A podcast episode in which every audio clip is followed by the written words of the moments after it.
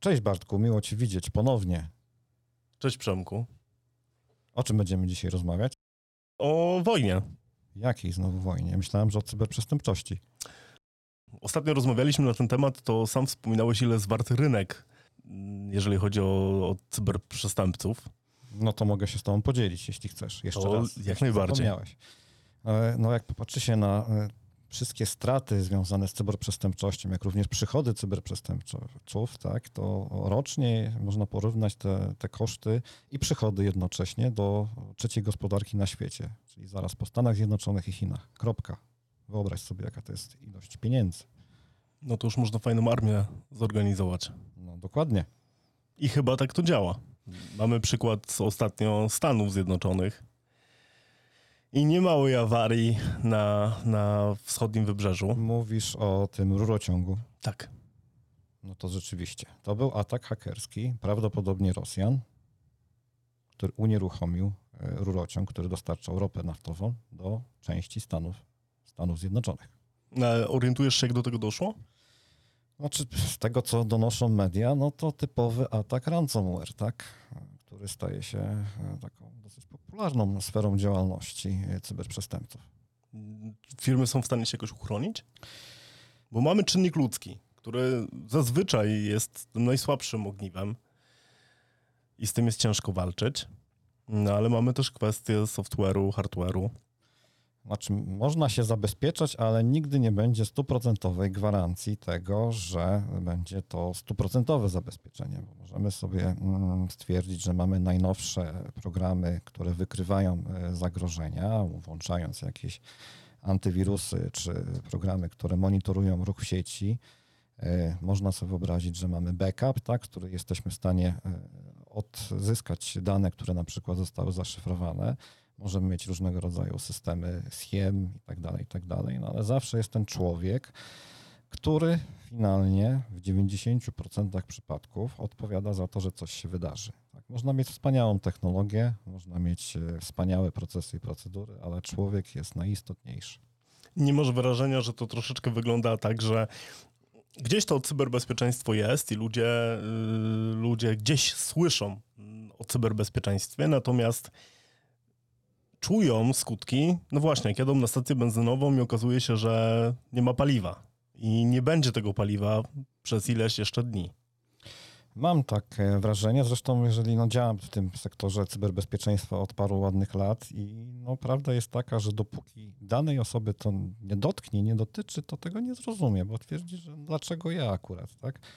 E, Sytuacja jest bardzo podobna do różnych chorób, chociażby COVID-19, tak, że wiele osób nie wierzy w to do czasu, kiedy ktoś z ich najbliższego otoczenia nie będzie chory, czy też nawet przypłaci e, chorobę życiem. No Ale to Przemek, to ty nie wiesz, że jak, jak się zaszczepisz, a już to zrobiłeś. Właśnie, ty się zaszczepiłeś, zresztą ja też. Jutro No to- druga dawka. Ja mam 19. Ja mam 19 drugą dawkę, o 8.15 bodajże. Yy, no to co? Bill Gates będzie nami sterował. No myślę, że to będziemy e, mogli się łączyć z Billem Gatesem za pomocą technologii 5G. Może po Wi-Fi też, zobaczymy. No to może niedługo będzie wywiad z Gatesem na, na, na portalu Brands IT. Jak skoro się może z nim połączyć bezpośrednio przez e, konieczność, e, bez konieczności przejścia przez tak zwane firewall w postaci sekretariatów, tak, to pewnie tak. Yy, Co ja tu jeszcze mam na tapecie na, na, na dzisiejszy odcinek? Yy, Europejskie firmy oferują produkty zapewniające szyfrowanie yy, i tutaj chodzi o Unię Europejską. Może powiesz coś więcej w tym, w tym zakresie? No ten pomysł tak się pojawia co jakiś czas, jeżeli chodzi o rezolucję Unii Europejskiej, jeśli chodzi o jakieś wytyczne, dobre zwyczaje, żeby spowodować to, żeby do danych szyfrowanych, które, które podobno są szyfrowane w jakiś mocny sposób, miał dostęp tak zwana strona trzecia, którą jest, e, są służby różnego rodzaju państw. No służby z jednej strony powinny nas chronić, a z drugiej strony potrafią nam robić krzywdę. No tutaj możemy popatrzeć na, na reżim za naszej wschodniej granicy i to, co się ostatnio wydarzyło z polskim samolotem. Yy, No i służby chociażby w ten sposób mogą uzyskać informację, że ktoś gdzieś planuje podróż i przypadkowo może się okazać, że jest bomba na pokładzie i możemy tą osobę po prostu porwać. Tak, e, no możemy sobie zabezpieczyć się e, przed różnymi złymi zdarzeniami, tak, żeby, e, żeby na przykład przestępcy nie, nie komunikowali się w sprawie jakichś zamachów terrorystycznych, tak, czy też mogą to być przestępstwa związane z pedofilią. Ale zawsze w takim przypadku, jeśli pojawi się miejsce, gdzie te dane, e, dane mogą być podejrzane przez kogoś, istnieje duża obawa, że do tych danych może mieć dostęp również osoba niepowołana, bo otwieramy się na innych e, hakerów, tak, innych przestępców, którzy korzystają z tego rodzaju furtki. Ostatnio w TVN był materiał na temat grupy, która wyszukuje pedofilów. I padło tam takie stwierdzenie, że policja ma wiele zastrzeżeń co do metod działania, bo bardzo często oni działają poza, poza prawem. I tutaj mamy takie dwa aspekty, bo z jednej strony każdy rząd może uznać konkretną osobę za przestępcę, mimo że ta osoba wcale nie musi być przestępcą, no bo to, co mamy na Białorusi, no to nie są przestępcy. Dokładnie. Mm, To są blogerzy, to są dziennikarze, to są ludzie, którym się nie podoba reżim. I ja na przykład codziennie rano dostaję z Ministerstwa Finansów maila w stylu wykryto zbrodnię VAT-owską. No wykryto oszustów, ale żeby nazywać to zbrodnią, albo żeby 25 lat groziło za, za mm, oszustwa VAT-owskie, a średnia kara za morderstwo w Polsce ile wynosi? No dużo mniej. No dużo mniej. Za pedofilię też, y, też te kary są dużo mniejsze. Więc regulowanie i, i wykorzystywanie technologii do tego, żeby de facto śledzić ludzi, uważam, że jest totalnie niezasadne, bo jest dużo innych pól, na których służby są w stanie wykrywać przestępców, tylko że im się po prostu nie chce. Bo dlaczego prywatni ludzie, zwykli obywatele potrafią wy, wykryć pedofilów, a policja nie potrafi? Zwłaszcza, że zwykli obywatele zazwyczaj nie mają dostępu do szyfrowanej komunikacji. No oczywiście.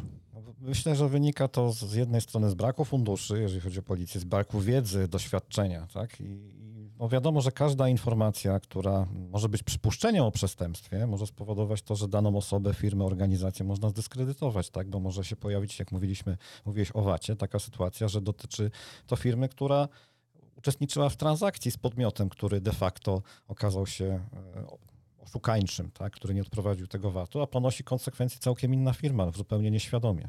I tym pięknym akcentem możemy przejść do kolejnego tematu, czyli do służby zdrowia. Bo mówiłeś o tym, że policja, y, policja nie jest zbytnio dotowana. Tak, na pewno.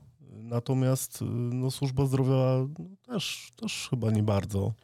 A nawet jeżeli jest, to nie potrafi tych środków wykorzystać. Znaczy tak jak, e, myślę, że mówisz o ataku w Irlandii, tak? Tak, tak, tak. A, widzisz, czytam ci w myślach, tak? Do, tego, do tego chciałem przejść. No to może tytułem wstępu powiem, co się wydarzyło, tak? No, publiczna służba zdrowia z Irlandii została sparaliżowana przez atak e, ransomware, tak? E, I to o tyle groźny, że z jednej strony spowodował on unieruchomienie systemu służby zdrowia, a z drugiej strony wyciekły dane pacjentów, tak? I, i możemy sobie wyobrazić to, że taki atak e, skończył się zgonem iluś tam osób, ponieważ nie byli w stanie lekarze udzielić pomocy, zarejestrować czy do, mieć dostęp do dokumentacji medycznej. To nie lepiej trzymać wszystko na papierze? Tak jak było powiedzmy 20 parę lat temu. Szło się do lekarza, pani w rejestracji dała dużą kopertę, w której były dane pacjenta, szło się do lekarza No, ewentualnie sz- szło się z dokumentacją medyczną do specjalisty. Tak? fizycznie, tak. No, czasami można było, można sobie wyobrazić, że jest to chyba lepsze, bezpieczniejsze, tak? Ale pozostaje kwestia tego, że żyjemy coraz bardziej dynamicznie, korzystamy z różnych służb medycznych, usług różnych lekarzy. To fakt. Tylko technologia nie zawsze chyba nam służy. E, technologia, e, Ile osób tam umarło Irlandii? ja słyszałem, czytałem, nawet dzisiaj robiłem sobie przegląd e, artykułów na BBC, tam kilka osób, tak? No, jak zwykle w tego typu przypadkach wiele informacji nie jest podawanych wprost, albo trzeba do nich dotrzeć. Ogólny komunikat e, Irlandzkiej Służby Zdrowia był ta, taki, że podnoszą się z, z tego ataku, tak? Że już coraz więcej systemów zaczyna działać, że nie zapłacili okupu. Nie wiadomo, tak? bo bardzo często bywa tak, że najpierw organizacje firmy mówią, że nie płacą okupu, a potem jednak okazuje się, że płacą, bo, bo nie mają wyjścia. Amerykanie też podobno nie płacą. Amerykanie, jeżeli chodzi o ten rurociąg, zapłacili. Ale ogólnie, wiesz, stanowisko my nie płacimy. No tak, ale no, czasem jest kwestia wyważenia środków, tak? Ważne, żeby firmy były świadome tego, co się stało, tak, i żeby wyciągnąć wnioski. Mówiłeś o służbie zdrowia, że nie jest dofinansowania, a wbrew pozorom e, przez COVID, przez to, że dużo środków finansowych zostało przesunięte na służbę zdrowia, nie mówię w Polsce, ale na całym świecie, stąd, e, stąd e, cyberprzestępcy w dużym stopniu, tak powiem, skupili się na branży, na służbie zdrowia, tak, i, i atakują bezpardonowo e, bardzo dużo szpitali, czy nawet centralnych systemów, ponieważ wiedzą, że presja jest społeczna taka, presja polityczna, żeby ta służba zdrowia działała, więc jest łatwo uzyskać okup. Może to też jest czas, żeby rzeczywiście rządy się wzięły za ściganie takich przestępców, bo co innego jest atak na prywatną firmę.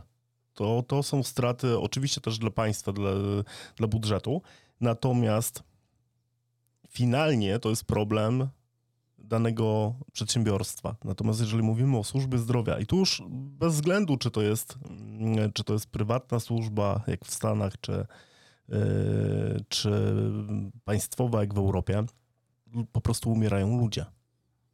Tak, znaczy w przypadku irlandzkiej służby zdrowia błąd był oczywiście człowieka, jak można się domyślić, tak, kliknął w, tego, w ten podejrzany załącznik, który nie został wykryty przez y, zapory różnego rodzaju, czy system antywirusowy, antymalware'owy i tak dalej. E, No i cóż, no powinny, znaczy się wydaje cały czas, że, że świadomość ludzka jest naprawdę niewielka. Myślę, że, że pandemia spowoduje to i, i wzrost liczby ataków, który wynika z pandemii, że jednak ta świadomość rośnie, tak? Ale to nie jest proces, to nie nastąpi z dnia na dzień. To nie nastąpi i, mm, i ludzie muszą się nauczyć na własnej szkodzie, mam wrażenie. Że my sobie możemy poruszać takie tematy, mm, możemy mówić. Są też inne portale, które już bardzo specjalistycznie się zajmują y, tą tematyką. Natomiast ludzie gdzieś przechodzą obojętnie. Interesuje ich to i to są fajne ciekawostki, ale realnie nie czują, że ich to spotka. To jest trochę tak samo jak, jak grono ludzi w Polsce nie, nie oszczędza na, na emeryturę, no bo przecież mamy ZUS. No, to, tak. no to po co samemu oszczędzać? A potem płaczą, bo dostają jakieś marne grosze. Tak i podobnie bywa z cyberbezpieczeństwem. Najczęstsze stwierdzenie jest, że mnie to nie dotyczy, bo dlaczego ma dotyczyć? Tak, zwłaszcza jak słyszane są przykłady z jakichś różnych zakątków świata, że to jest daleko, tak, że to nie u mnie tutaj po sąsiedzku pan Zenon, który ma hurtownię budowlaną, padł ofiarą invoice hacking, czy, czy zaszyfrowało innej firmie pana Jana Kowalskiego y, dyski komputerów i, i serwerów i wtedy nawet to powoduje ha, ha, ha, Mhm. tak zwane, tak, i jemu się przetrafiło, tak. Ale właśnie wymyśliłem, jak dotrzeć do, do przedsiębiorców. Jak? ZUS to zło, prawda? I to każdy przedsiębiorca powie. No a ZUS jest jak cyberzagrożenia. Myślałem, że chcesz wysłać mailing z, takim tytułem ZUS to zło, tak? I za, zawrzeć tam jakąś, jakieś złośliwe oprogramowanie. Przejdźmy, przejdźmy może dalej. Dobrze, dobrze. Co masz, co masz jeszcze z, z takich ostatnich e, ataków ciekawego? Na pewno słyszałeś o, o, o ataku, który miał miejsce całkiem niedawno, tak? Na polski CD Projekt. E, Wyciek danych. Nie, nie, zaszyfrowali im dane. E, Nowa generacja ransomware polega na tym, że pierwszym etapem ataku jest kradzież danych, drugim eta- e, etapem jest szyfrowanie wrogie, trzecim, atak- trzecim elementem takiego ataku jest żądanie okupu. Pierwsze, pierwsza część to, że e, udostępniony zostanie klucz do szyfrowania, a drugim szantaż e, tym, że te dane nie wyciekną. E, I, I tutaj myślę, że nawet to zdarzenie spowodowało, że polskie firmy bardziej zaczynały się przyglądać e, temu, co się wydarzyło, ale uważałem, że to była duża firma, że może ich mniejszych podmiotów to niekoniecznie nie dotyczy. Wiesz co, y, Apple jakiś czas temu dał taką bardzo fajną funkcję y, w, w systemie, że powiadamia cię o tym, czy twoje hasło, nie jesteś użytkownikiem e, akurat Apple'a, to ci szybko powiem, jak to wygląda. Działa to w ten sposób, że Apple generuje ci hasła do poszczególnych serwisów, platform, aplikacji, a ty korzystasz Apple ID. Yy, Natomiast jeżeli masz gdzieś wpisane swoje hasło z palca, yy, Apple o tym wie. I jeżeli gdzieś wycieknie takie hasło, będzie w publicznych bazach, to ty jesteś o tym powiadomiony. I widzisz, i zgubiłem wątek, o czym, o czym chciałem. Chcesz mnie przekonać do Apple'a. No to tak, tak, tak. To, to, to ułatwia pracę, nam współpracę też ułatwi, ułatwi jak najbardziej. Mm, e, Ale okej, e, wrócę, wrócę do tego, o czym chciałem powiedzieć. Czyli mamy dostępne zbiory e, haseł, które są, których ludzie używają. I w ten sposób też hakerzy się włamują, bo y, losowo po prostu z tych baz generują hasła, chociażby żeby dostać się na czyjąś skrzynkę pocztową. Więc jak można wychodzić z założenia, że ja mając załóżmy malutką firmę albo jakąś tam średnią firmę, y, mnie to nie spotka, skoro bardzo często ataki są losowe. To nie jest tak, że ja chcę się włamać akurat dzisiaj do CD Projektu, Znaczy akurat to był atak ukierunkowany. to okej, to tak, ale ile mamy ataków, które nie są ukierunkowane? Na przykład, nie wiem, na NASy. Ja dość często dostaję na przykład powiadomienia z systemu nasowego, że była próba włamania. Była próba y, podania, y, podania haseł. Nie będę teraz mówił, jak, jak, jak mamy to wewnętrznie zabezpieczone, ale takie próby są i one są losowe. To nie jest celowy atak y, na akurat nasz NAS czy, czy, czy nasz serwer mm, tylko po prostu dużą liczbę y, urządzeń ktoś chce zaatakować i tyle. Znaczy, ataki są różnego rodzaju, wykorzystują kilka takich słabych punktów. Z jednej strony są tak zwane podatności, które wynikają z ułomności systemu operacyjnego czy jakiejś aplikacji, które są zainstalowane na urządzeniach. To jest jedna rzecz. Druga rzecz e, jest taka, że zazwyczaj e, korzystamy e, z takiego samego loginu i hasła w bardzo wielu różnych serwisach. I wyciek z jednego miejsca powoduje to, o czym mówiłeś, że na przykład login, który ja używam, który jest moim adresem e-mail, tak, związany jest z jakimś hasłem, które zazwyczaj jest bardzo, to, to samo hasło używane w dziesiątkach czy setkach różnego rodzaju serwisów, bo nam jest łatwiej zapamiętać. Co powoduje to, że e, ujawnienie i wyciek tego typu danych, po prostu cyberprzestępcy próbują się dostać do najróżniejszych miejsc za użyciem takiego loginu i hasła. Rozwiązaniem jest to stosowanie albo unikalnych haseł w każdym z serwisów, albo użycie uwierzytelniania dwu- czy wieloskładnikowego. Chociaż z tym też bywają problemy. Tutaj wystarczy popatrzeć na doniesienia różnych mediów o tym, jak ludziom czyszczą rachunki bankowe. Mimo, że mamy potwierdzenie e, danej transakcji SMS-em, to współcześni cyberprzestępcy potrafią jednak wykraść i, i to. Znaczy, no, można zrobić to na kilka sposobów. Jest to SIM swap, czyli podmiana karty SIM, a najczęściej bywa to jednak socjotechnika, tak, że ta osoba na przykład stwierdzi, że e, znaczy zacznie się logować na stronę, która przypomina bank, albo jest to e, wejście właśnie na inną stronę internetową. Może to być, e, że, że ktoś zadzwoni przykładowo, podając się za pracownika banku, prosząc o dane identyfikacyjne, podanie PESEL-u i szeregu, nie daj Boże, loginu i hasła, bo są osoby, które podają. Koniec. Ja się czasami zastanawiam, czy tutaj ciężar odpowiedzialności nie powinien mocniej spoczywać na jednostce. Bo mamy na przykład aferę Amber Gold, w której podmiot no, działał nielegalnie, no bądźmy szczerzy, yy, działał poza prawem i, i, i, i są to przestępcy. Natomiast ludzie, którzy inwestowali pieniądze licząc na kokosy, byli pozbawieni myślenia. No bo jeżeli, jeżeli mamy takie, a nie inne stopy procentowe, no to nie jest realne, żeby inny podmiot dał nam kilkadziesiąt razy więcej. I oni są wyłączeni z odpowiedzialności. To samo tyczy się mm, różnego rodzaju oszustw, jeżeli chodzi o przejmowanie mieszkań, czyli mały kredyt, zastaw mieszkanie, mm, a w rzeczywistości to mieszkanie tak jest odbierane, bez względu na to, czy ktoś płaci, czy nie płaci, bo, y, bo uwikłani są w to notariusze. I z cyberbezpieczeństwem jest podobnie. My wychodzimy z założenia, że po pierwsze nas to nie dotyczy, po drugie yy, ja nie muszę mieć świadomości, bo ja jestem ofiarą. Ofiarą bardzo często na własne życzenie, tak? No właśnie. Ja myślę, że brakuje no, świadomości podstawowej i to zarówno jeśli chodzi o dorosłych, jak również dzieci, które ostatnio i młodzież, która e, uczyła się zdalnie, tak? Nie było w większości przypadków, znamienitej większości, żadnego wprowadzenia dla tych e, młodych osób, które zaczęły poważniej funkcjonować w cyfrowym świecie, tak? I tak to wygląda. Mamy to, co mamy. Ja myślę, że świadomość cybernetyczna, tak, związana z cyberzagrożeniami, powinna być jedną z podstawowych rzeczy, których się uczy w szkole i powinniśmy o tym rozmawiać. Jak Wiesz, cały, dzisiaj. wiesz, cały system edukacji też powinien inaczej wyglądać. Dzisiaj jest przyswajanie wiedzy dla wiedzy, a nie przyswajanie wiedzy, żeby tą wiedzę wykorzystać. Znaczy, no myślę, że no, kolejna lekcja historii nie spowoduje zwiększenia e, świadomości cyberzagrożeń. No na pewno nie. A bądź co bądź, bo to też jest ciekawy, ciekawy temat i myślę, że tutaj w cyklu dla rodziców moglibyśmy o tym porozmawiać, że mamy dwa światy dzisiaj. Mamy świat taki realny, fizyczny i mamy świat cyberprzestrzeni. I rodzic, który chce uchronić dziecko przed złym towarzystwem, e, przed y, jakimiś złymi zachowaniami, kontroluje dziecko w świecie tym fizycznym. Natomiast świat wirtualny, świat cyfrowy jakby nie istniał większość rodziców nie ma y, kontroli nad tym, co dziecko robi, z kim pisze, jakie ma relacje, mm, jakich ma znajomych w sieci.